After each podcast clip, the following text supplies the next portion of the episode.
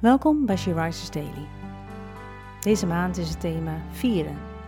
En vandaag luisteren we naar een overdenking van Liesbeth. We lezen uit de Bijbel, Habakkuk 3, vers 17 en 18.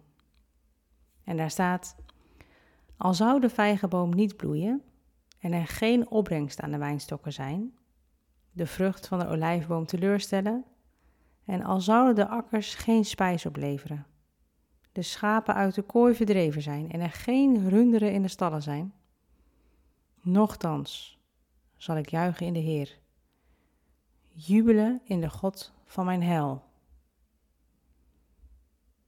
Toch zal ik juichen. Wat een krachtige uitspraak. Toch is dit niet hoe het verhaal begint. Habakkuk durft God te ondervragen. Hoe lang, o Heer? Waarom doet u niks aan al het onrecht? En God antwoordt hem: Zie wat ik doe.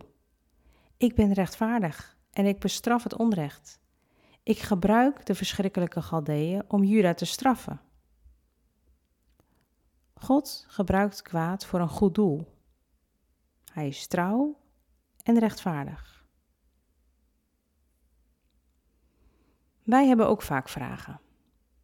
Waarom is er zoveel onrecht en corruptie? Waarom doet God niks? Ik geloof dat God aan het werk is. Het is alleen niet hoe wij denken. Als Hij al het kwaad zou straffen, zou Hij ons allen van de aarde moeten vegen. We moeten God vertrouwen. Iedereen zal zelf verantwoording aan Hem af moeten leggen. God zei tegen Habakkuk, de rechtvaardige zal door zijn geloof leven. Het is onze taak in geloof te leven en God zorgt voor de rest geloof geeft ons hoop. Het mooiste komt nog. Voordat we kunnen juichen in een moeilijke situatie, moeten we eerst onze vragen en twijfels bij God brengen. En dan mogen we weten dat Hij de touwtjes in handen heeft en we Hem moeten vertrouwen. Ga jij naar God met je vragen? Laten we bidden. Vader, u bent trouw en rechtvaardig.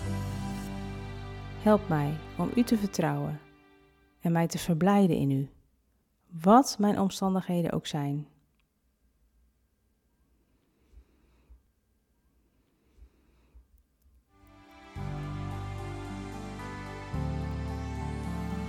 Je luisterde naar een podcast van She Rises.